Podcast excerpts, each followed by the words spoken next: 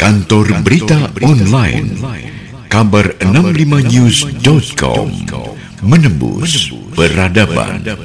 Sahabat, beberapa hari ini di ruang publik heboh tentang pergantian warna cat pesawat kepresidenan dari warna kombinasi biru dan putih menjadi warna merah dan putih.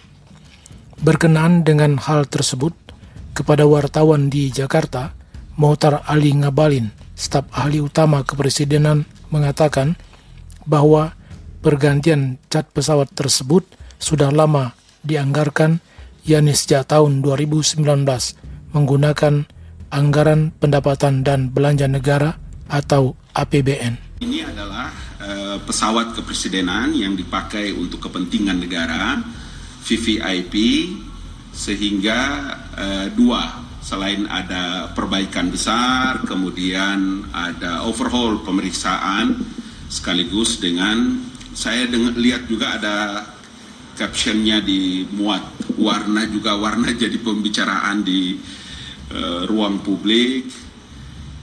Ada masalahkah dengan masalah warna? Warnanya merah putih warna kebangsaan kita di 17 Agustus jadi saya kira terima kasih teman-teman bisa ada klarifikasi dari kami. Kantor Berita Online.